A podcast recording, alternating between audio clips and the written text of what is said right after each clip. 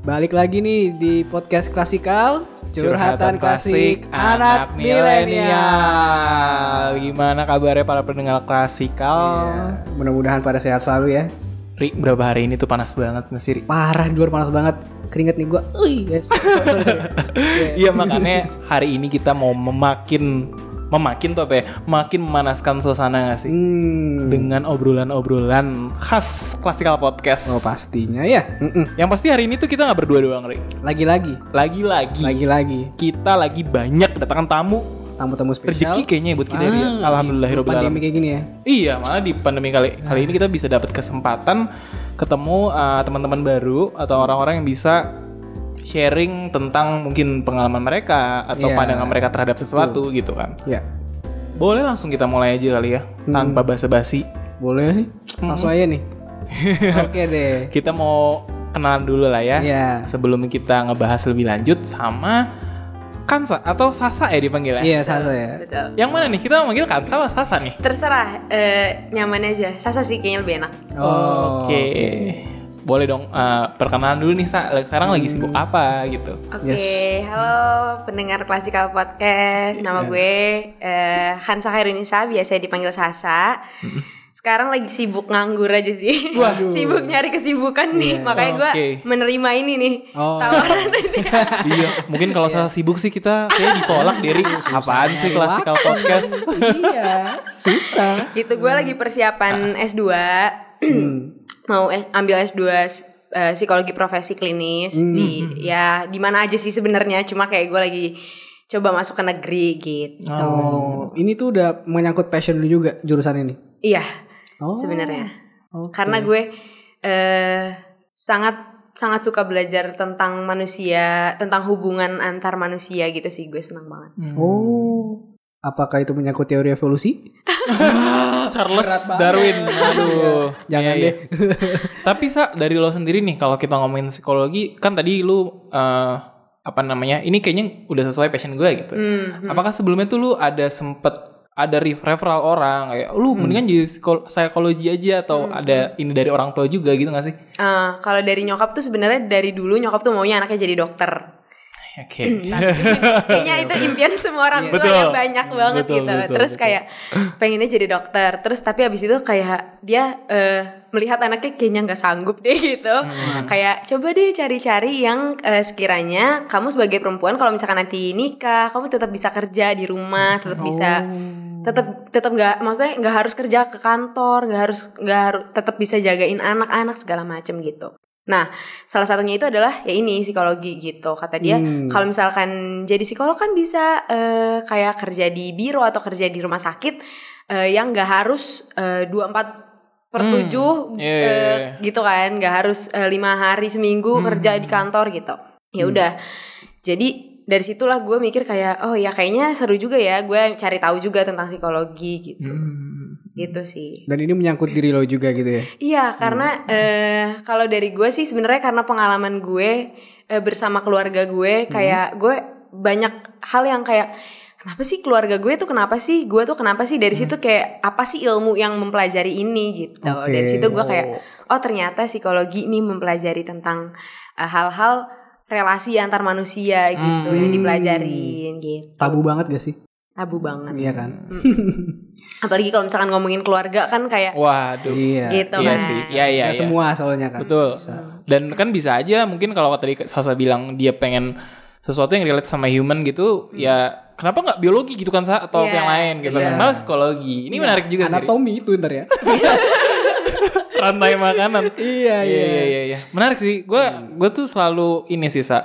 Gue tuh kalau ketemu orang yang hmm, dia punya interest yang cukup dalam terhadap psikologi gitu, Hmm. malah gue ke sana tuh jadi wah jangan-jangan ntar nih orang gimana gimana nih sama gue bisa membaca gue nih gitu. Iya. Sebenarnya gimana sih sa? Apa emang bener dengan lu belajarin ilmu manusia ah, apa namanya yang berhubungan dengan manusia, lo bisa dengan secepat itu gitu tahu karakteristik orang, cara dia berpikir atau bagaimana sih sebenarnya? Itu kan stigma ya. Hmm. Stigma orang kan sangat kayak gitu banget gitu loh kayak aduh, bacain gue dong. Iya. Aduh, ini dong gitu kan. Kayak Jodoh gue dong gitu ya. Itu, aduh, apalagi yang menyangkut di luar topik ya zodiak itu kan gua Oke. agak gitu sih. Iya. Terus kayak aduh bacain gue dong terus gue kayak ya ya nggak bisa tiba-tiba lo dateng nih baru ketemu lima menit bacain gue gitu Iya. kan lo kira lo buku kan bukan gitu kan terus kayak sebenarnya yang kenapa eh, ada muncul stigma kayak gitu tuh sebenarnya karena eh, kadang-kadang eh, kita tuh bisa kita tuh punya kemampuan observasi gitu loh.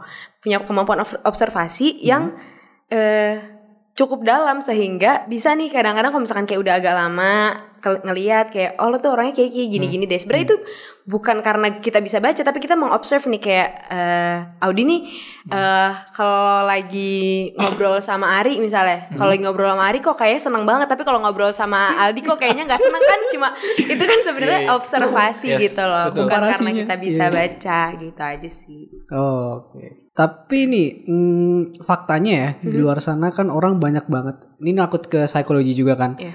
Orang tuh banyak banget yang depresi, Mm-mm. yang mungkin nggak tahu harus melakukan apa gitu. Mhm. Nah menurut lo dari pandangan psikologi itu gimana? tentang depresi Ya, sebenarnya kalau misalkan depresi ini ngomongin tentang hal yang serius ya karena pasti. karena depresi ini eh cuma bisa sebenarnya didiagnosa sama eh, psikolog gitu atau sama psikiater gitu Eh, Iya, betul. karena mereka kan ahlinya gitu tapi ini dia yang sering kali salah kaprah kita nih suka self diagnose gitu kan Mm-mm. suka kayak aduh gue lagi stres banget nih kayak gue depresi deh gitu kan Iya, kayak sebenarnya bisa jadi lu tuh cuma lagi stres aja atau mungkin lagi Hmm. quarter life crisis atau Iya. misalkan lagi ya udah sebenarnya lagi ada masalah aja nih yang berat tapi sebenarnya lo nggak depresi kok gitu Iya, oke oke. itu kan. Jadi kayak sering salah kaprah karena kita eh, suka sotoy aja gitu kan. Iya, suka iya. suka dia apa mendiagnosa diri kita sendiri. Dan itu sangat sebenarnya sangat berbahaya sih buat si individu tersebut gitu. Karena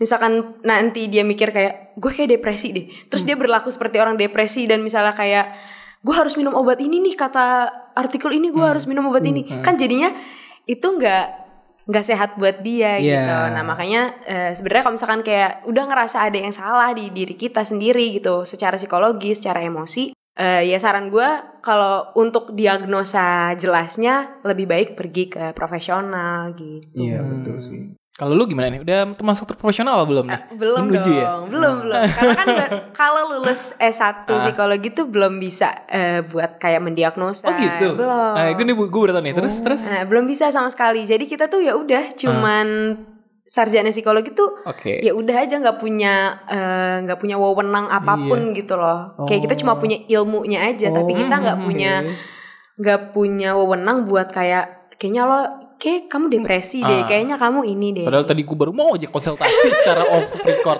Aduh, Iya, iya, iya. jadi dah. Tapi kalau buka bukan buka jasa ya, maksudnya kayak semacam kalau psikologi itu nantinya bisa buka tempat praktek psikiater gitu itu nggak hanya tok dari S1 aja berarti. Enggak, jadi kalau misalkan psikolog nih, jadi psikolog sama psikiater juga beda. Kalau psikiater kan dari dokter dia ambil spesialis jiwa. Oke. oke. Kalau psikolog tuh dari S1 psikologi dia ambil profesi psikolog kayak gitu. Oh, oke oke. Gitu. Jadi kalau psikiater memang dia eh, fokusnya kayak dokter eh, ke obat. Jadi eh, pendekatannya tuh ngasih obat gitu. Sedangkan kalau misalkan psikolog dia lebih ke eh, behavioral gitu loh. Terapi-terapi behavioral gitu. Nah, kalau misalkan mau buka biro sendiri atau mau praktek di rumah sakit sebagai psikolog misalnya, Hmm. ya itu harus S2, nggak bisa S1. Oh, Gitu. Panjang ya dia. Panjang. Iya, segala sesuatu tuh emang kayaknya emang harus belajar ya dulu. Betul. Gak boleh asal mengaku-ngaku jadi dokter ya mengaku jadi apa gitu. Iya iya benar-benar. Proses. dulu betul, betul betul. Bahaya sih emang. Gitu. Nah, nih Sa, lu kan di sela-sela ya let's say kalau lu pun menganggur gitu, pasti kan ada kesibukan dong tentunya Oke, iya. gitu Sa. Tapi kan ada momen-momen di mana lu mungkin merasa ini waduh ini masalah baru nih buat gua gitu atau kayak sesuatu yang mengganggu nih buat gua gitu. Kalau lo sendiri tuh ngapain Sa biasanya? Biasanya kan orang tuh punya caranya masing-masingnya untuk dia supaya kembali refresh, kembali set up dirinya gitu. Kalau lu ngapain Sa? Kalau gue eh ini sih intinya self love. Hmm. Gitu. Ini kayak episode kita kemarin. Kemarin ya. Ayo klasikal jangan lupa dengerin lagi. Iya, iya. Hmm. Yang belum dengerin yang kemarin, Iya, iya. dengerin dulu. lagi gitu ya. Iya. Intinya self love kayak apa yang lo seneng lakuin, Mm-mm. lakuin aja gitu. Kayak kalau misalkan dari gue sendiri, gue tuh seneng yang nyanyi, Hmm. main musik, Hmm. main terus eh, baca buku, kadang-kadang juga ngelukis. Terus kayak ya kalau gue tuh kadang-kadang nih misalkan gue bangun tidur suntuk banget nih kan. Hmm, Biasanya kan kalau kerja, biasanya kan bangun tidur ya udah berangkat kerja gitu. Kita Iya. punya kesibukan, punya tujuan nih pagi ini mau ngapain gitu kan. Iya. Sedangkan kalau misalkan gue nih sekarang kayak lagi nganggur, pagi ini bangun-bangun kayak anjir bangun nganggur lagi. Ada beban tersendiri gitu ya. Mm, aduh ba- bangun nganggur lagi terus kayak ya udah kalau misalkan gue pikirin itu terus kan gue jadi kayak ya stres sendiri kan. Iya. Kepala gue pusing segala macem gitu. Ya udah gue akhirnya bangun langsung pagi gue biasanya udah dua mingguan ini sih gue langsung jalan pagi kayak gitu dan itu kan merilis hormon-hormon happy kan Iya. gitu olahraga tuh merilis hormon-hormon happy gitu makanya gue lari ke situ juga gitu karena kalau nggak dirilis Mm-mm. ya nggak akan kerilis sendiri gitu Iya, betul. Iya, iya, iya. Gitu sih Tapi banyak sih ya pelampiasan untuk merilis itu kan. iya betul banyak banget Hmm. ngelakuin apa-apa yang disukain ya udah itu eh, akan merilis sih Hmm, Karena kan happy. permasalahannya kan ini dia. Gimana, Ri? Orang kan banyak nih mau belum maksudnya belum tahu mau melakukan apa gitu kan. Hmm. Jadi otomatis mereka harus mencoba satu-satu gitu kan. betul banget Dan sementara itu itu proses yang kalau bisa dibilang lama itu Hmm. lama banget gitu Hmm. ya kan. Ya itu sih. Maksudnya yang kadang gini kadang kita pun juga udah punya option atau misalnya solusi bagi kita untuk menyenangkan sesuatu. Misalnya misalnya nonton series gitu kan Hmm. ya. Saya seorang lagi seneng banget nonton net di Netflix gitu. Iya. gue nggak bisa sih berjam-jam ngabisin waktu untuk ibaratnya bye sosial gitu kan. Gue nonton aja gitu. Seharian gue juga udah bisa balik lagi mood gue tapi Iya, kadang gue suka menemukan orang-orang tuh malah jadinya lama kelamaan mereka nggak puas gitu loh. Oh, oke. Berarti kan istilahnya ya mungkin bener kayak kata Ari tadi ya, Hmm. kita harus menemukan juga eh, istilahnya kayak apa ya? Sesuatu hal yang baru lah mungkin itu hobi atau kegiatan apa gitu kali ya. Iya benar-benar. Iya Cocok kan? logi. Cocok apa? Cocok logi. Lagi seneng ngomong cocok lagi ya? Iya tahu kenapa nih. Lagi jadi bahasa favorit. benar-benar kita nggak Hmm. soalnya kita harus harus nyobain banyak hal Hmm. untuk kita tahu apa sih yang sebenarnya kita suka ya Hmm. Iya. karena kalau kita nggak nyobain kayak tahu dari mana misalkan gue nggak nggak pernah nyoba buat nyanyi gue nggak pernah nyoba buat ngelukis nih misalnya gue Hmm. tahu dari mana gue suka nyanyi daripada ngelukis gitu kan Iya. gitu loh emang bener sih kata Ari tadi kayak Hmm. udah lo harus cobain banyak hal dulu karena itu ya prosesnya di situ gitu loh kita Iya. kan hidup sebagai manusia ya ya berproses terus aja kan gitu. Iya. mau kita udah nyampe satu apa yang kita mau pun nanti ada proses lagi ke depannya gitu Iya benar-benar. Nah kalau dari lo sendiri sa, nih eh, perubahan apa nih sa yang lo ngerasa eh, waktu mungkin waktu lo sekolah gitu sampai sekarang udah kuliah dan sebagainya istilahnya kan lebih beranjak dewasa ya. Ada nggak sih perubahan atau sesuatu nih yang baru buat lo yang tadinya mungkin mungkin ya mungkin tadinya lu anaknya tuh yang keluar hangout jam 7 malam berangkat bahkan jam 9 gas gitu. Sekarang atau malah lebih jadi gue menghabiskan waktu untuk di rumah atau dengan tadi ngelukis baca buku gitu. Apa emang dari dulu lu? Ya emang gue dari dulu suka baca buku sih dan sebagainya gitu. Gimana sa? Iya dulu gue adalah orang yang going out banget Nah. pokoknya gue keluar deh gak bisa gue sendirian di rumah gue gila gue tuh selalu mikir bahwa gue Iya, gak iya. bisa gue sendirian di rumah gue gila tapi Ah. eh, suatu hari tuh gue sadar bahwa kita nggak akan pernah bisa menggantungkan happiness kita sama orang lain wah ini kayak quotes dari seseorang kan sih? NKCTI Ardito. Bener dong. Iya, bener. Kita nggak akan pernah bisa me- menggantungkan Iya, iya, happiness iya. kita sama orang lain. Misalkan kayak misalkan gue pengen keluar, teman-teman gue nggak ada yang bisa Hmm, gitu kan. Kayak kalau gue terus-terusan memaksakan hal itu, kayak gue sendiri kan sebenarnya yang Hmm. sakit, gue sendiri yang stres gitu kayak gue nggak punya temen, padahal kayak ya temen lo cuma nggak bisa doang, Iya. Iya, iya. gitu kan. sering sih terjadi itu ya Pasti, pasti. temen lu cuma lagi nggak bisa doang lu tuh bukan nggak punya temen udah deh jangan drama gitu kan Iya. Iya. nah dari situ sih muncul kesadaran bahwa kayaknya gue harus bisa enjoy sama diri gue sendiri deh gitu enjoy my self company gitu kan Hmm. enjoy your solitude gitu jadi kayak dari situ gue mulai eh gimana caranya gue bisa gimana gue tuh dulu sangat bingung gitu loh. Gimana sih caranya enjoy sama diri sendiri?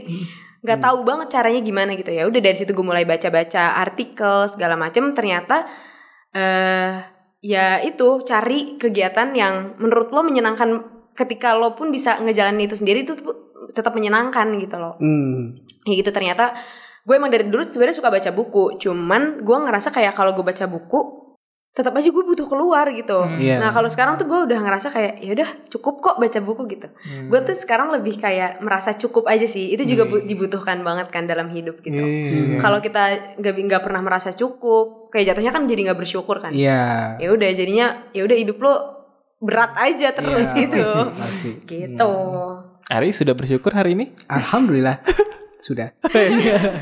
gitu Ta- tapi ini sa kalau ngomong ekstrimnya ya, Hmm. Kan orang yang udah terjerumus atau udah masuk terlalu dalam Mm-mm. ke dalam dunia depresinya lah ibaratnya kan, yang sampai-sampai mungkin akhirnya berujung ke suicidal gitu, Iya. ataupun apa pun bentuknya gitu. Itu secara psikologi ya, itu sebenarnya orang-orang kayak gitu apa sih yang di yang per- yang perlu dicari solusinya? Hmm, I've been there sih. Oh ya? Hmm, Hmm, coba- there. Jadi gue tuh bahas skripsi gue pun bahas tentang suicidal ideation. Hmm. Eh, jadi kenapa gue bahas skripsi itu karena gue pernah ada di posisi itu gitu. Gue Oke. pernah ngerasa kayak anjir dunia kenapa sih kayak gini banget? Gue kayak kayak kalau gue mati juga nggak ada yang sedih deh. Kayaknya gue harus mati deh. Kita sedih, Sa. Sa. Thank you. Oh. gitu. Hmm. Kayak dari itu ya eh, banyak faktornya lah. Ah. Eh, lebih banyak karena keluarga gitu. Terus eh eh sorry apa tadi pertanyaannya? Ah, Jadi lupa. Yang dibutuhin mereka tuh apa sih? Oh, yang Secara- secara kalau ngomongin solusi gitu ya. Hmm. Sebenarnya kalau apa ya?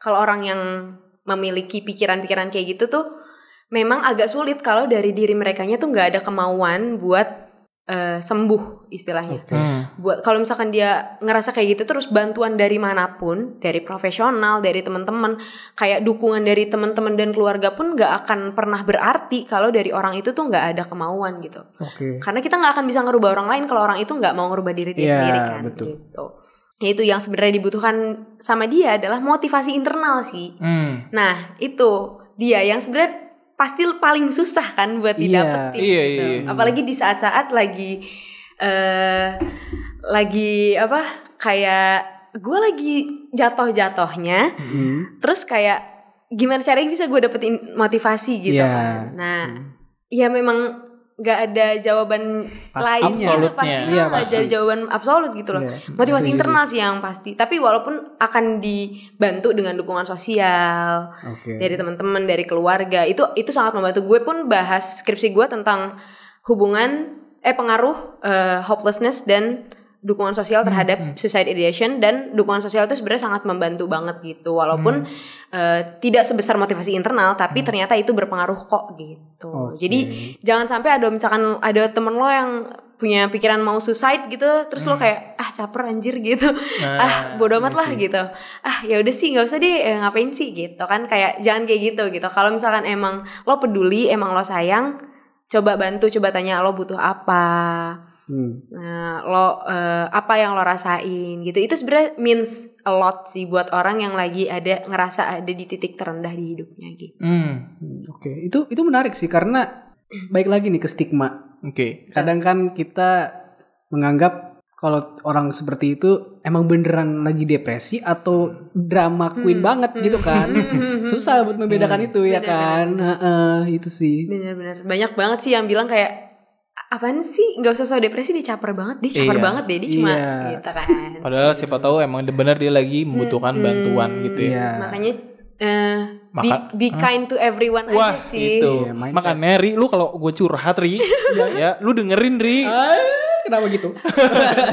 Ya kan katanya katanya sih aku pernah dengar kata temen gue tuh Orang kalau curhat Kalau nggak Dua sih Minta cuma didengerin aja Atau emang bener-bener minta advice betul. gitu kan? Ha-ha, betul banget. Oh gitu kadang karena kita tuh cuma butuh buat ngeluarin aja kan. Iya. apalagi kebanyakan ini nih perbedaan gue belajar banget sih tentang perbedaan cowok sama cewek. Nah. Yang mau nyari jodoh nih. Ya eh, eh, Ini dia pembahasan sebenarnya. Apa tuh Sa? kalau cewek tuh cerita dia tuh cuma pengen didengerin aja. Sedangkan kalau laki-laki ini dicurhatin dia tuh langsung mikir solusinya apa solusinya apa nih Oh, iya. gitu To the point. Hmm, langsung nyari solusi padahal kalau misalkan kayak dan dia jadi ngerasa kayak kalau misalkan dalam hubungan ya, yang gue gue baca buku Men Are From Mars and Women Are From Venus itu Wow. bahas tentang itu perbedaan cewek sama cowok. Cewek tuh suka cerita sama cowok sama pasangannya nih misalnya. Dan cowok itu ngerasa kayak apaan sih ngeluh mulu gitu. Padahal kayak nggak ngeluh, gue cuma pengen cerita aja, meng- ngeluarin apa yang ada apa yang gue rasa, apa yang ada di pikiran gue gitu. Cuma cowok tuh ngerasa kayak kayaknya gue soalnya harus ngasih solusi nih gitu. Padahal kan sebenarnya enggak gitu. Terobligasi gitu ya cowok ya Hmm, mikirnya ya. hmm. Terobligasi, tersaham ya. Ria. Waduh, jadi ekonomi. Oh gitu. Iya iya iya. iya.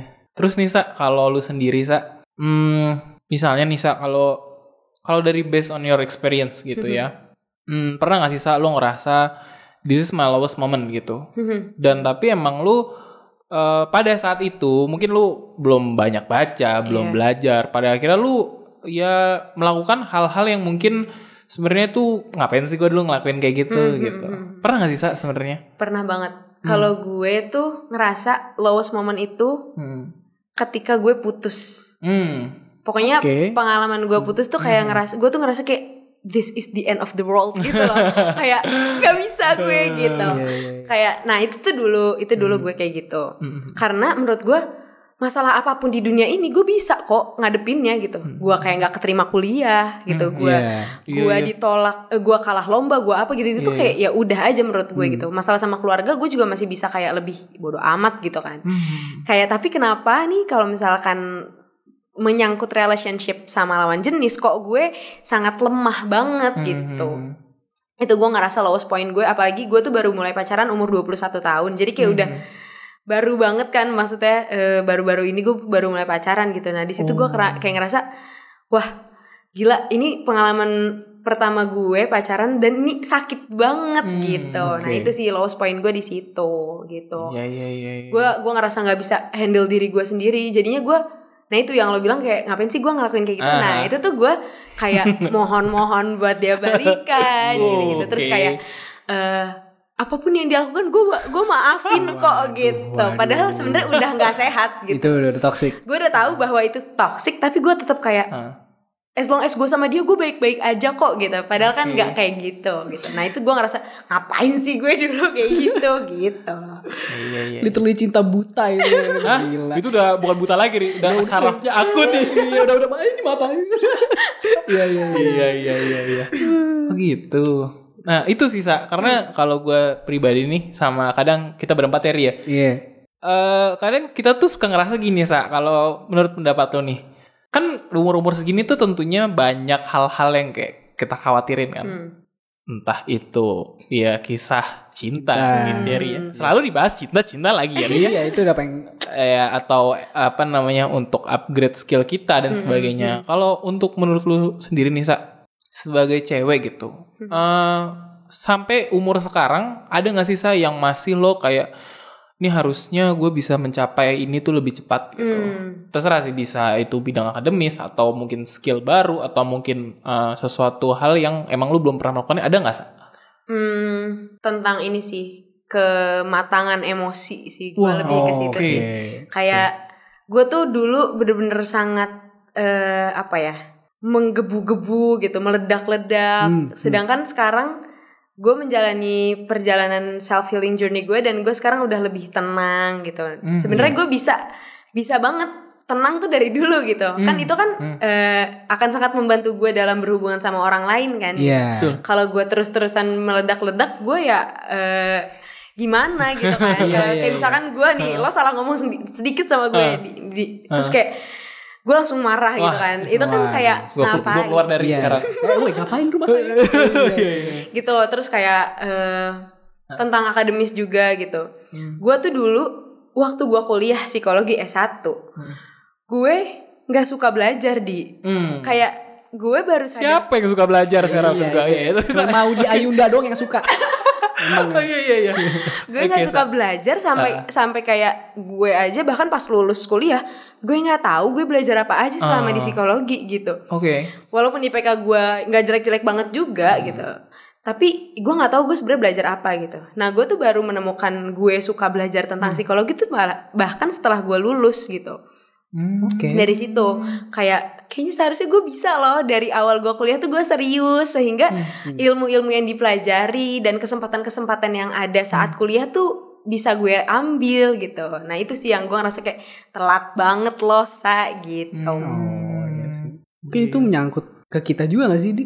Pas Gimana? perkuliahan kan Ah. memang proses buat belajarnya tuh susah banget gitu. Banget sih, banget. Tapi pas sudah terjun ke dunia kerja kayak oh oke nih gitu kan. bisa lah nih gitu ya. Iya, iya, iya, Emang itu klasik banget. Ah. Mhm. Iya, iya. Tapi kalau gue ngeliat saya Sasa sih emang dia udah ini sih, Ri. Eh, dia udah tahu maksudnya eh apa ya, scoop gue bakal ke sini nih, bakal ke sana Oh. kemarin. Kalau kalau kita nih saya, gue bakal termasuk termasuk orang yang agak pelin pelan sa dulu sa. ah Gue tuh dulu Oke. pengennya sempet eh, belajarnya IPA gitu kan sa. Iya. Taunya sekarang ekonomi, finance dan sebagainya gitu loh sa. Jadi emang perjalanan hidup ini tidak ada yang betul bisa betul Iya, iya, apa ini iya. namanya ini ya? Nggak ada yang bisa konstan lurus. Betul. Gitu kan? Ka- ya kalaupun itu sih lebih ke prinsip kali ya dan apa ya cara lo kayak ya emang lo juga suka gitu kan sama psikologi karena kalau dulu gue udah kayak perang batin sa dulu gue tuh sebenarnya gue tuh mau jadi apa sih gitu sa Iya, iya, benar. Kayak apa sih yang lu kejar gitu? Apa sih yang gua kejar ya? krisis identitas ya wah sampai krisis saya siapa ri itu sekolah sekali tuh krisis identitas. iya iya iya itu tuh itu istilah yang udah lama banget gue denger ya krisis identitas Gila itu. benar benar sa gitu Heeh. hmm. Nah, menyangkut mungkin eh, experience lo ya di apa dalam melalui itu kan. Itu apakah lu mempunyai kayak semacam apa ya pelampiasan lah gitu. Hmm. Selain apa ya lo mungkin baca buku. Mhm. Karena kan gue denger nih lo juga punya podcast nih. Iya. Apakah itu juga termasuk pelampiasan juga? Sed- sed- apa kalau boleh sedep ya? sedep self development podcast Wih, denger tuh, denger klasikal. Bel. Jadi tuh ini emang embel-embel klasikal duet sama eh enggak sih sama Sasa sih, Iya, sama iya, Sondep iya. ya. Benar-benar. Iya, eh, podcast gue itu sebagai salah satu pelampiasan juga sih. Bukan pelampiasan sih, gue ngerasa itu sebagai salah satu hasil dari proses gue Oh, gitu. oke. Karena gue bikin podcast itu eh karena saat itu gue tuh abis putus tuh, Hmm. abis putus, terus abis gitu gue banyak belajar tuh dari putus itu. Gue banyak cari tahu tentang hubungan kan awalnya gue nyari tahu tentang hubungan dan dari situ gue tahu bahwa sebenarnya harus dibenahin tuh diri lo sendiri dulu Ah, oke, gitu. Oke. Mungkin sebenarnya eh, nggak ada yang salah sama hubungan lo gitu. Hmm.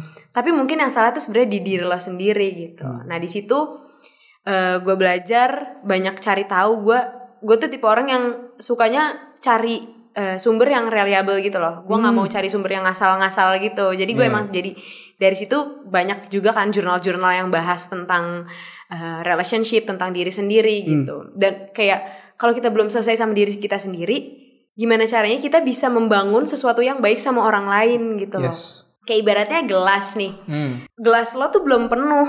Mm-mm. Gimana cara lo mau bagi isi gelas lo sama orang isi eh, sama gelas gelas lain gitu loh. Iya. Jadi kayak ya udah penuhin dulu diri lo sendiri. Senengin dulu diri lo sendiri, eh, selesaiin dulu diri lo sendiri gitu kan. Oke. Nah itu dari situ gue belajar banyak eh, lebih ke dalam sih, lebih ke diri gue sendiri gitu. Gimana caranya gue, eh, gimana caranya gue bahkan dulu tuh ternyata tidak nyaman sama diri gue sendiri Hmm. dan tidak menerima diri gue sendiri seutuhnya. Kalau diri gue aja sendiri nggak nerima gue, gimana orang lain bisa Wah, nerima gue Iya, kan? itu kritikal banget. Oke. gitu kayak ya udah itu sih lebih kayak ke penerimaan diri eh, cinta sama diri sendiri gitu nah dari situ banyak literatur yang gue baca bahasa Inggris tapi nggak ada bahasa Indonesianya nih gue gue mikir kayak gitu kan terus kayak eh kok kayaknya bisa deh gue berbagi ini Hmm? eh hasil dari belajar gue yang banyak literaturnya bahasa Inggris kayaknya bisa deh gue ba- bagikan dalam eh, satu media Mm-mm. eh, yang bisa diakses banyak orang yang eh, bisa pakai bahasa Indonesia juga kan gua karena gue juga ngomongnya bahasa Indonesia Hmm. gitu Iya.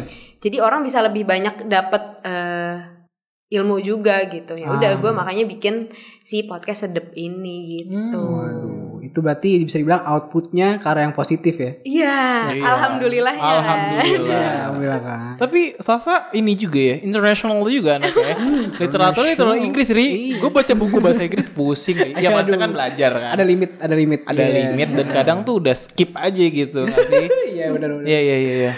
Bagus sih. Hmm, terus nih Sa, misalnya Sa, kalau kalau lu melihat si podcast sedap lu ini gitu. Eh, mungkin kan tadi lu ngerasa bahwa ini akan bisa memberikan ilmu bagi siapa tahu bisa bisa membagi ke orang lain gitu ya Betul. saya. Tapi kalau lu sendiri nih Sa, apakah punya selain uh, podcast uh, platform lain untuk yang bisa mengekspres diri lo gitu? Dan jangan Sasa nih punya kayaknya punya akun YouTube kita nggak tahu. Waduh. Punya sih. Wah kan? Tuh, Ri. gue biasanya lewat Instagram sama ya Oke. YouTube sih paling itu ya gue gue kan hobi ya cover cover lagu Nah. gitu gue eh ya udah gue membagikan itu sih di di sosial media gue gitu dan eh, apa ya karena gue seneng ngelakuinnya dan ngelakuinnya apa pun yang dilakukan dari hati akan sampai ke hati gak sih? Iya. Iya, jadi iya, kayak iya. jadi kayak kalau gue lagi nyanyi yang menurut gue tuh itu lagi dari hati gue banget nih gitu. Hmm. orang-orang tuh komen-komennya tuh langsung pada bener-bener kayak gila nyampe banget ke hati gue atau nggak kayak eh, sumpah relate abis kayak gitu nih Sasa nih kalau gue nih ya. Terus. ya kayak gitu. Jadi kayak gue eh gue juga suka baca buku kan dan gue suka membagikan kayak bukan resensi sih resensi terlalu serius ya Iya. kayak eh, review lah review-review kecil kayak ya, kalau misalkan menurut gue bukunya bagus ya udah gue gue suka review nih di di Instagram di Instastory atau di feeds gitu Oh. Berarti tapi bagaimana dengan orang yang mungkin ya ingin melakukan hal yang sama kayak lo gitu, Hmm. tapi lingkungannya Hmm. yang gak mendukung. kayak tiba-tiba ada yang kayak bilang ih cringe abis loh Iya, iya, iya, iya, itu kan itu yang sebenarnya berat ya pasti. bener-bener emang eh, ya itu sih. Alhamdulillahnya Hmm. lingkungan gue Hmm. mendukung. Dan satu sih intinya pede aja. Hmm. lo nggak sespesial itu kok sampai orang tuh ngomongin lo terus. Enggak kan? Gitu. Kayak pede aja.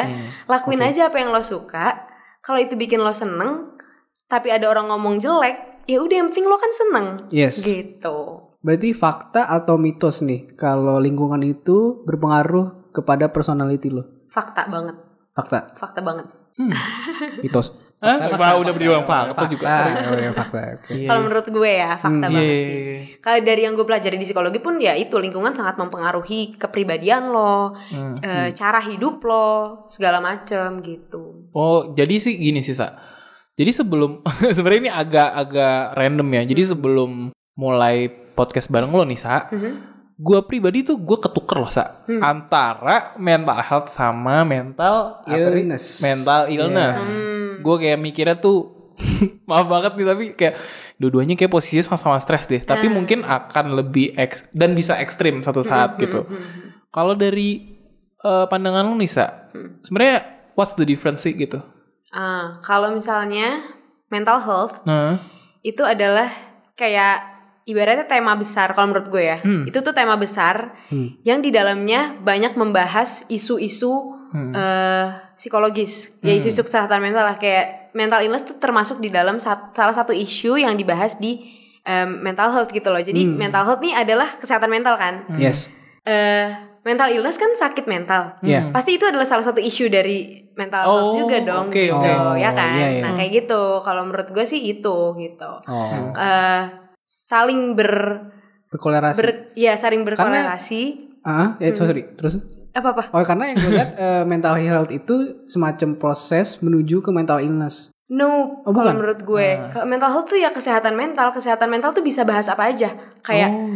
eh tentang psikologi positif. Hmm. Lo juga bisa bahas tentang depresi itu bisa banget dibahas di mental health. Oh, oke. Terus, nah itu dia sih kebanyakan stigma orang kalau ngomongin tentang psikologis Hmm. selalu eh, menjurusnya ke mental illness, ke sakit mental, ke depresi, Hmm. ke skizofrenia, Waduh. ke stres gitu-gitu Hmm, kan. hmm. Orang akan selalu ke situ gitu loh. Sedangkan banyak banget eh, di psikologi tuh banyak banget yang dipelajarin gitu loh. Kayak Oh. misalkan kayak HRD itu kan juga ilmunya psikologi Iya, kan. psikologi. Kayak Iya, rekrutmen, wawancara itu kan juga ilmunya ilmu psikologi gitu loh. gitu sih Oh. makanya orang suka salah kaprah kalau ngebahas tentang psikologis tuh pasti selalu kayak ke penyakit mental Termasuk Gitu. gua sih. Ri. Iya, gue juga gue pun juga gitu. Gua. Kalau gitu apakah self healing journey lo itu yang tadi lo bilang putus sama mantan lo itu itu bisa dikategorikan sebagai mental health dari perjalanan lo itu? perjalanan gue menuju eh Eh mungkin menuju menuju self love kali ya?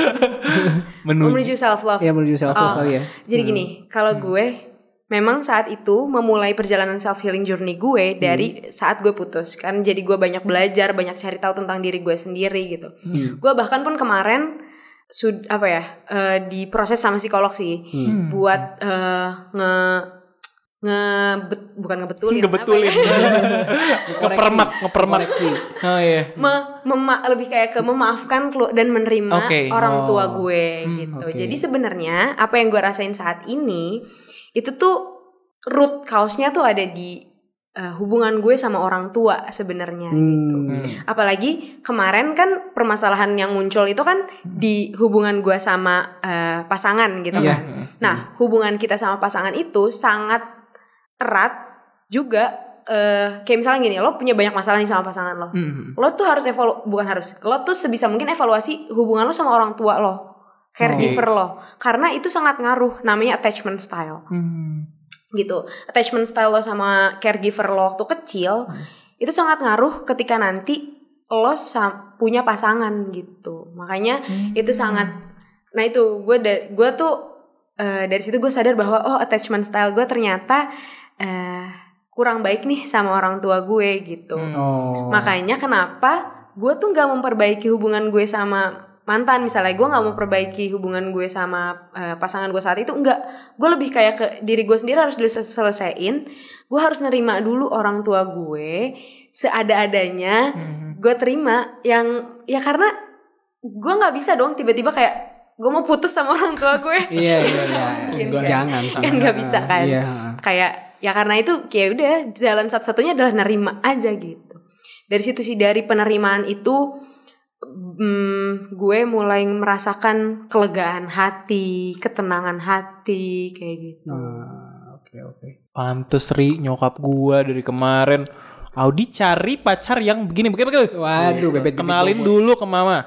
Kalau dia bukan anak pejabat gitu. Enggak lah, enggak gitu sih. Pejabat. Nyokap gue sederhana sih. Iya iya iya. Tapi gitu sa, gue sebagai laki-laki gitu ya, kan bisa dibilang cukup dekat sama nyokap gue gitu sa.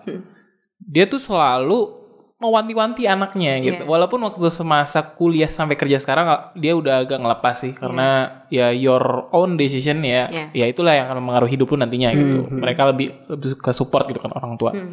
Nah itu tuh saat tadi mungkin si attachment apa tadi? attachment style Oh, iya, gue ingetnya attachment file karena sering ngirim Ah, iya. email mau kerja Ri.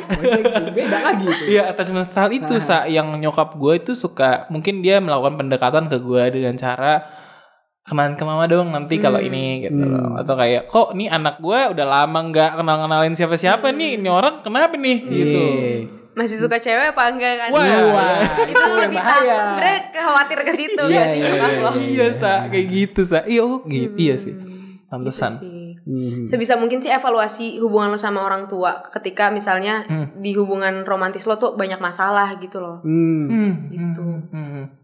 Karena root cause-nya itu kebanyakan orang gitu. Ri, gue kalau tadi pernyataannya Sasa nih, gue pengen tahu deh, Sa, nih gue kalau misalnya nih ada masalah gitu, Sa, Mm-mm. nggak tahu kita secara parameter besar atau kecil lah ya saya. Eh. Apakah lo orang yang langsung mungkin cerita ke teman-teman lo, ke keluarga atau orang-orang yang lo percaya lah gitu? Karena kan nggak semua orang mau dengerin atau bisa Iya. ngasih advice gitu ya. Atau lo lebih suka gue akan menyelesaikan masalah gue sendiri terlebih dahulu. Gimana nantinya ya ya udah yang penting gue telan dulu lah gitu. Yang mana sa? Kalau gue lebih ke cerita sih sama teman-teman Oke. deket gue. Mhm. Sama tapi kalau misalkan kan nggak semua orang selalu available ya. Hmm. Jadi gue tuh journaling biasanya gue tulis. Itu sangat membantu gue sih dalam mengenali emosi gue sendiri gitu. Kayak misalkan kadang gini, kita lagi dapat nih masalah suatu, Hmm. kayak lagi ada masalah sama orang atau sama dari kantor apa gimana gitu. Nah, itu tuh biasanya kita tuh langsung kayak panik gitu kan, langsung nyari siapa nih gue mau cerita sama siapa nih gitu. Hmm. Tapi jadinya malah kayak kita nggak aware nih sebenarnya apa sih yang dirasain gitu. Nah, dengan cara journaling tuh nulis aja, nulis apa yang lo rasain, apa yang lagi apa yang lagi kejadian saat Hmm. itu gitu. Misalkan kayak aduh di kantor gue, gue dikasih kerjaan banyak banget loh, gitu-gitu. Itu kan eh, jadinya dari tulisan itu karena gini, di otak kita tuh masalah muter-muter kayak benang kusut ya Iya sih? iya. benar. kayak aduh kusut banget otak gue gitu kan. Di kepala gue kusut banget ya. Nah dengan journaling dengan nulis itu kayak mengurai gitu loh pelan-pelan mengurai benang itu supaya nanti jadi kelihatan nih oh jalannya ke sini jalannya ke sini gitu. Itu sih cara gue dengan nulis itu. Karena kalau ditulis kan lo jadi bisa lihat nih oh ternyata ini yang gue rasain. Oh ternyata eh, oh ternyata sebenarnya nggak seburuk ini kok gitu gitu kan Iya, iya. gitu Oh. Sasa kayak tulisannya bagus sih. Sering nulis ya saya? gue sering nulis juga sih Oh bukan nulis, bukan ngetik ya? Kita tahu tahu bagus ya. Oh iya. Sebenarnya ada juga sih yang menarik yang pengen gue tanyain, tapi mungkin ini agak dalam ya. Mhm.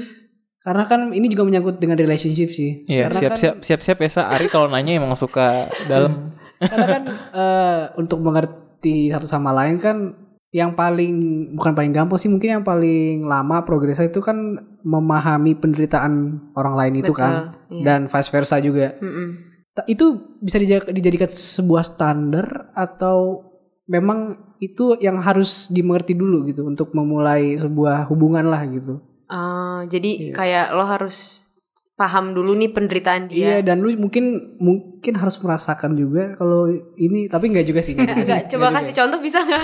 ini sih mungkin gue punya perspektif sendiri sih kayak mungkin kalau lu harus bisa menyamakan level lu dengan seseorang ini Mhm. ya lu harus mengerti penderitaan dia juga gitu Hmm. atau mungkin lu merasakan sendiri jadi lu bisa ibaratnya tuh memberikan advice ke dia juga Ah. gitu kan tapi kan permasalahannya kan untuk me- untuk mengerti penderitaan dia kan ya kalau nggak merasakan itu kan ya kita nggak akan tahu gitu kan. Nah itu apakah sebenarnya si orang itu harus nurunin Mhm. apa eh, ekspektasi dia atau ya udah kitanya yang harus ikut menderita juga gitu untuk bisa menyamakan level kita sama dia gitu. Menyamakan level penderitaan tuh Oh, agak berat agak- banget. eh, Orang tuh Iya. menyamakan level prestasi ri untuk kesuksesan. Kadang ada gitu ya. Eh, Kalau menurut gue sebenarnya yang dibutuhkan tuh bukan harus sama-sama ngejal. Misalkan gue nih, misalkan apa ya? Misalkan gue susahnya apa ya misalnya? Apa sih kesulitan yang sulit banget? Hmm, Misalkan orang tua gue abusive nih ceritanya. Ah. Oke oke. Masa lo tiba-tiba lo buat berhubungan sama gue lo harus orang tua lo abusive juga kan enggak Enggak enggak banget. enggak gitu. Iya, iya. Sebenarnya yang dibutuhkan hanyalah rasa Iya, iya, iya. empati sih, Ri. Ah, oke.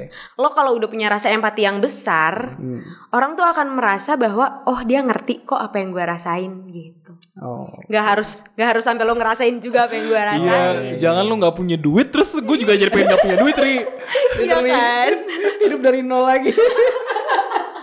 Gila. Iya, iya, Jangan iya. karena lo cewek lo nganggur nih lo harus gue kayak harus nganggur deh. jadi ibu rumah tangga, bapak rumah tangga. Bapak rumah aja. tangga. Siapa yang cari duit? Iya iya iya iya iya iya. Hmm, gitu. Nah, yang penting empati aja. Lo lo membesarkan rasa empati gitu sih. Itu Hmm. Berarti lu dulu memberikan empati yang terlalu besar ya terhadap terhadap pengalaman lu itu. eh, mungkin Oh.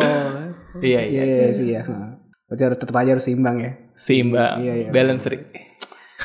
Berat banget dah. iya tahu Iya, nih iya. hari ini. Eh, ini sih sa. Nah kalau kalau kita ngelihat nih sa di fenomena sekarang sa, di era milenial ini ya, eh, apakah gue sih gue kalau nge- ngebaca atau kayak ngelihat di media sosial gitu ya saya banyak justru sekarang itu topik-topik yang sebelumnya sebenarnya itu kayak ada di dalam diri kita. Misalnya kayak mental health ini ya, Iya. saya. Mental health atau apa sih biasa itu insecure dan sebagainya, Iya, iya. overthinking. Itu tuh dulu tuh sebenarnya udah eksis apa belum ya, Sa? Gitu nggak sih, Sa? Kalau dari pandangan lo nih, Sa, apakah emang gener gimana gue nggak bisa bilang generasi sekarang Iya, terlalu mungkin eh, banyak memikirkan yang sedang mengalami sih. Ah, ah, maksudnya apakah emang di zaman kalau menurut lo ya saya, apakah emang dulu tuh zaman ma- orang tua kita atau orang-orang generasi-generasi sebelum kita tuh ada hal-hal tersebut juga? Atau emang sekarang tuh lagi trafficnya lagi Iya, kencang aja? Hal-hal seperti ini emang orang banyak mengutarakan pada akhirnya. Banyak yang jadi bikin semacam eh, campaign atau ini tuh sebuah problem juga loh ternyata problematika yang dihadapin anak-anak zaman sekarang yang padahal katanya zaman serba ada. Lu bisa akses apa aja, lu bisa in- dapat informasi apa aja gitu, Sa. Eh, kalau sekarang tuh sebenarnya karena kenapa eh, tentang isu mental health ini lagi booming banget? Hmm. Sebenarnya karena orang-orang makin aware gak sih? Hmm. Makin aware sama diri mereka sendiri gitu. Coba kalau misalkan kita eh, gini deh, gue ke diri gue sendiri aja ya. Hmm. Kalau misalkan gue nih, gue aware nih bahwa eh, gue punya trauma-trauma yang Hmm. harus diselesaikan dan itu eh, karena akibat dari eh, pengasuhan orang tua gue misalnya. Itu kan gue aware tuh akan hal itu karena karena pun gue belajar di psikologi gitu. Sedangkan saat zamannya orang tua kita, mereka belum terlalu aware kan sama hal itu. Iya. Mungkin sebenarnya Hmm. gini, trauma itu adalah siklus gitu loh. Hmm. Jadi kayak kalau gua nggak ngekat itu, kalau gua kemarin nggak healing sama psikolog gitu misalnya, Hmm. nanti gua akan melakukan itu lagi ke anak gue nanti gitu. Oh, Oke. Kayak bokap gue tuh abusive. Hmm. Jadi Oke. ini nggak apa-apa nggak Enggak, sih? Gak apa-apa, gak apa-apa. nggak apa-apa. bokap bokap gue tuh abusive. Eh, mukul segala macam gitu. Hmm. Gue masih kecil. Hmm. Terus eh, kalau marah tuh bentak-bentak Hmm. eh, segala macam lah kayak gitu. Terus, nah, gua secara tidak sadar kalau marah tuh gue juga kayak gitu. Padahal gue tuh aware bahwa gua nggak mau kayak gini, gitu. Gua nggak mau kayak gini.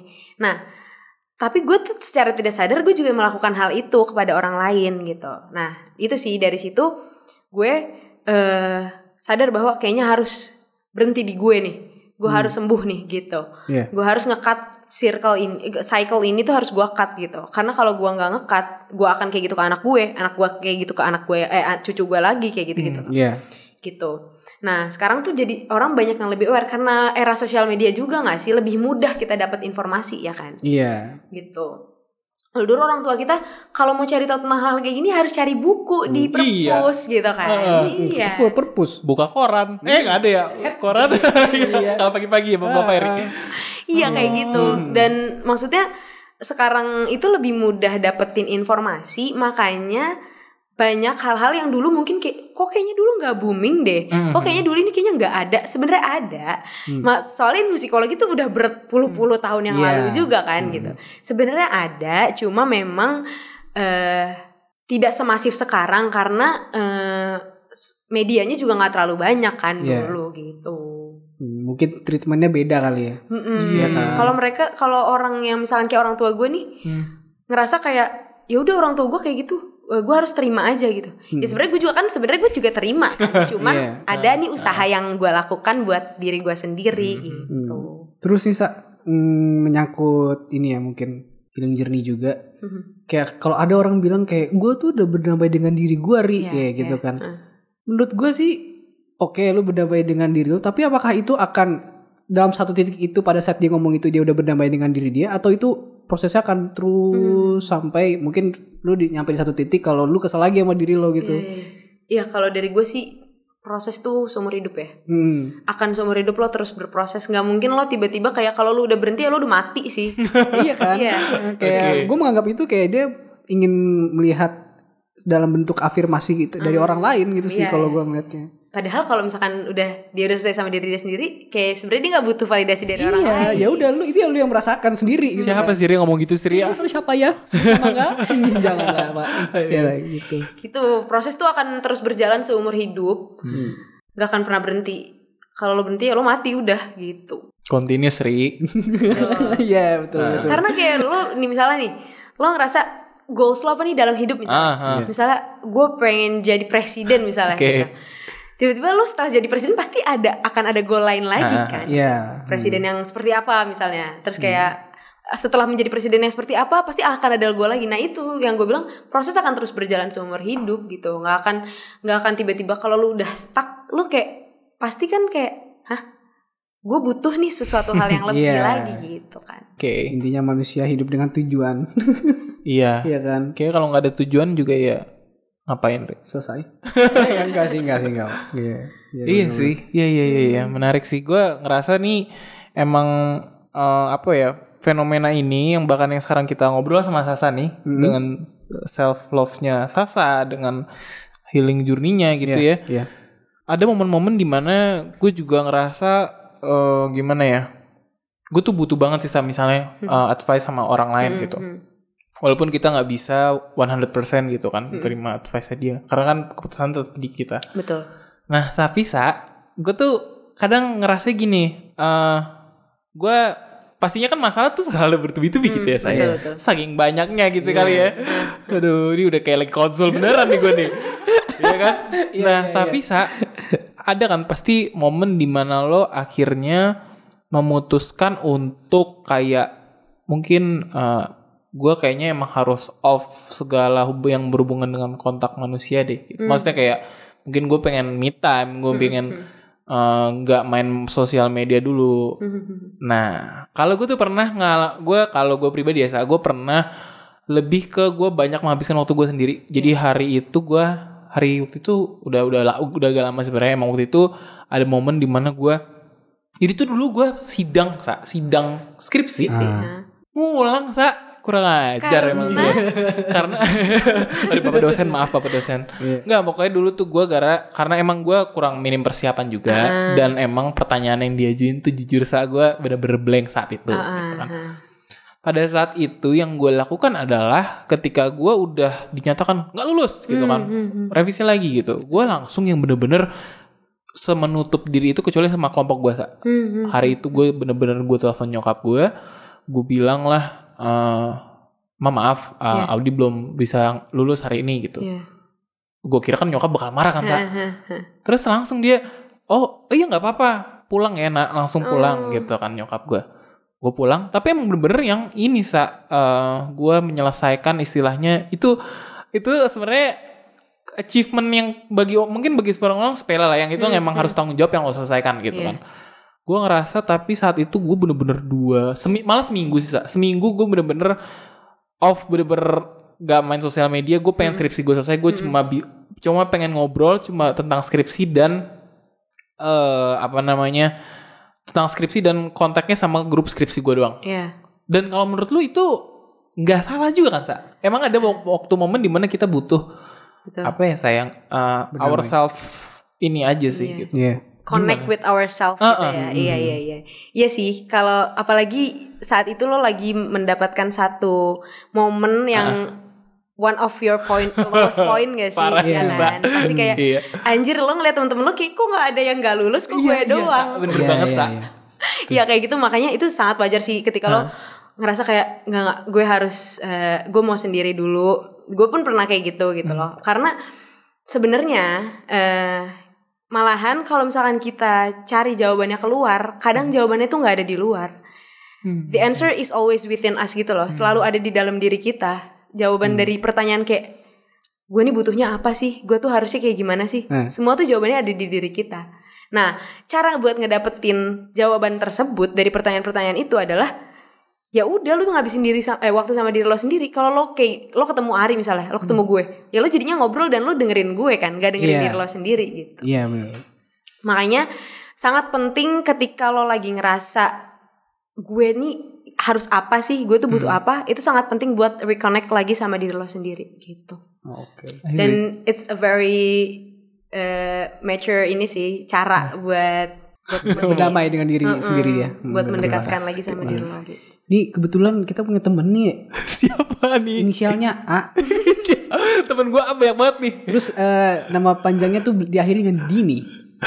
eh, eh, Dani, Dani. Kok Dini salah? Dani, Dani, Dani, Dani. Nah Oke. ini dia dia tuh sering curhat gitu ya. Hah. Sering curhat tentang soal cinta dia, tapi padahal dia tahu jawabannya gitu. Tapi yang dia butuhkan kan itu keyakinan dari orang. Reassurance aja Iya, sih? disuruh saja gitu kan. Kenapa sih sa orang tuh bisa kayak gitu? Sebenarnya gue pun gue tuh gue pun pernah ada di posisi itu gitu. Kadang pun masih sering ada di posisi itu gitu kan. Hmm.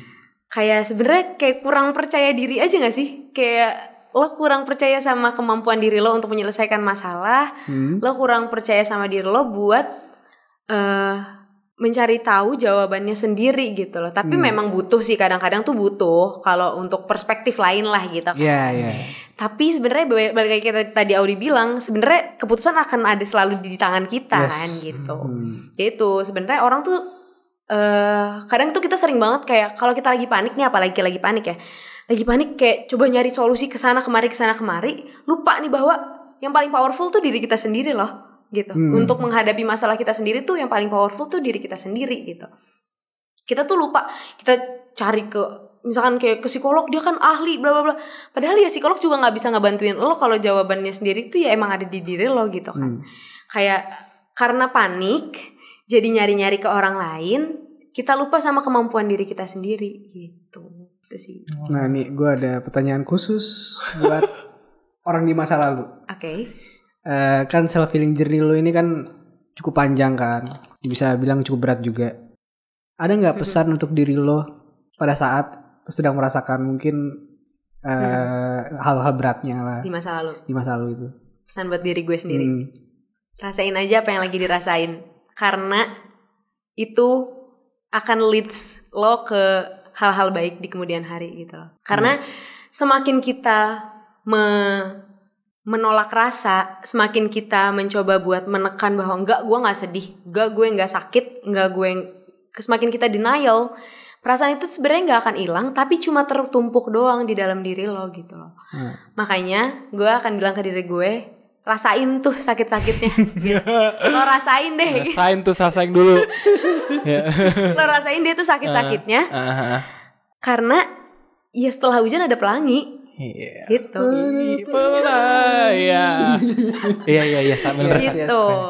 Eh, soalnya kalau lo nggak berproses sama rasa sakit, lo nggak pernah berproses sama rasa sedih, lo juga nggak bakal pernah ngerasain seneng kan? Mm-mm. Lo nggak tahu, lo nggak tahu rasanya seneng kalau lo nggak pernah tahu rasanya sakit gitu. Emang lu robot, Ri? Bukan kan? Iya iya sih iya benar-benar. Tuh. Tentunya Ri, para Hmm. pendengar klasikal mereka juga pasti punya apa ya Ri ya, istilahnya genggap gepita, sedih Iya. kesedihan atau mungkin kebahagiaan dalam diri mereka sih. Iya benar-benar. Mungkin dengan mendengarkan sharing cerita ini, Yoi. orang itu bi apa-apa sobat klasikal bisa Sobat merasa terbuka. klasikal kan? bisa merasa terbuka, jangan malah jadi tambah sedih ya. Iya iya iya. gitu kan. Oke, Sa- ah, ah. mitos atau fakta? Ah. Cinta harus saling memiliki. Cinta harus saling aduh agak sulit ya. Eh, aduh. Maunya sih memiliki ya kalau cinta. Eh enggak deh. Oke ya. karena karena karena kita kan nggak bisa ngontrol orang lain gak sih? Betul. Karena cinta kan antara kita sama orang lain gitu. Iya. Sedangkan kan itu nggak cuma ada di kita doang gitu. Jadi enggak. Oke. Ya kan baik lagi ke statement lo tadi ya, kebahagiaan tuh yang bisa ngatur ya diri kita. Betul. Ya, betul betul. Oke, Ri. One more. Wah, Penutup. oke. Oke. Monggo. Terus tujuan akhir lo, lo Sa, di eh, karir lo sebagai psikologi Mhm. itu apa nantinya? Lo melihat mungkin 10 tahun ke depan lo akan mau menjadi seperti apa lah gitu. Hmm, gue ah, berat ya pertanyaannya ya. Pertanyaan terakhir berat juga ya. Eh, gue ke depan, gue tuh eh, mau lebih kayak ke psikolog klinis dewasa sih. Hmm. Kalau gue, jadi gue akan eh, fokus di masalah-masalah eh apa ya? Tapi gue juga sangat tertarik dengan kehidupan ini sih, kayak relationship gitu. Gue kayak pengen juga deh, maksudnya fokus di situ gitu. Walaupun gue jadi psikolog, gue bisa nanganin banyak hal nih. Hmm. Tapi mungkin gue akan ambil expertise di eh, relationship kali ya, karena gue eh, tertarik banget sih di situ gitu. Ini profesional Ri, bukan biro jodoh biro jodoh yang Waduh. Anda mau yang mapan? Iya pakai horoskop. Iya iya iya. iya. Sagittarius sama Libra gitu. Alah, perbaiki aja lah sifatnya. Ah, enggak bercanda bercanda. Sa, it's been a pleasure to talk with you ya. Makasih sama. banget hari eh, untuk hari ini. Ya, thank you banget udah datang Iya, sebagai sama-sama. guest Classical Yoi. Podcast ya. Semoga ada manfaatnya ya. Pasti. Obrolan kita ini. Harus ada manfaat ya. Harus ada manfaatnya. ya. Nggak bisa nggak ada. Maksa, maksa. Oke, eh, kita nih ada penutup nih dia. Yoi. Eh, Gimana di? Coba di. Nah, jadi gini Sa, kalau kita tuh nanti pas gue sama Ari, ya Ria, kita Hmm, ya iya, ngomong kita. classical podcast gitu. Hmm, Lo bilang Langsung bareng ku. yes. Udah tahu gue. Udah denger ya? Di brief sebelumnya, apa dia udah dengerin podcast kita sebenarnya? Waduh, kayak sih udah nih. Lelet. Ya, oke. Oke, yuk. Ari, Satu, dua, tiga. Classical, Classical Podcast. Nongs bareng ku. nongs bareng Sasa. Iya, aduh, sorry. Thank you banget Sasa hari Sama-sama. ini udah cerita-cerita sama kita. Hmm, untuk para pendengar klasikal, Apa Ri? Pesan-pesannya Ri? Ya jangan lupa untuk selalu merasakan apa yang ingin dirasakan. Iya, jangan denial tadi benar Jangan sih. denial, ya. Gue setuju banget dan tetap stay tune di episode-episode kita selanjutnya karena episode selanjutnya tidak hanya cuaca yang semakin panas, kita juga akan selalu tetap panas ya Ri. Emotional. Iya. Iya iya iya. Oke, stay tune ya para pendengar klasikal. Bye bye. Ya.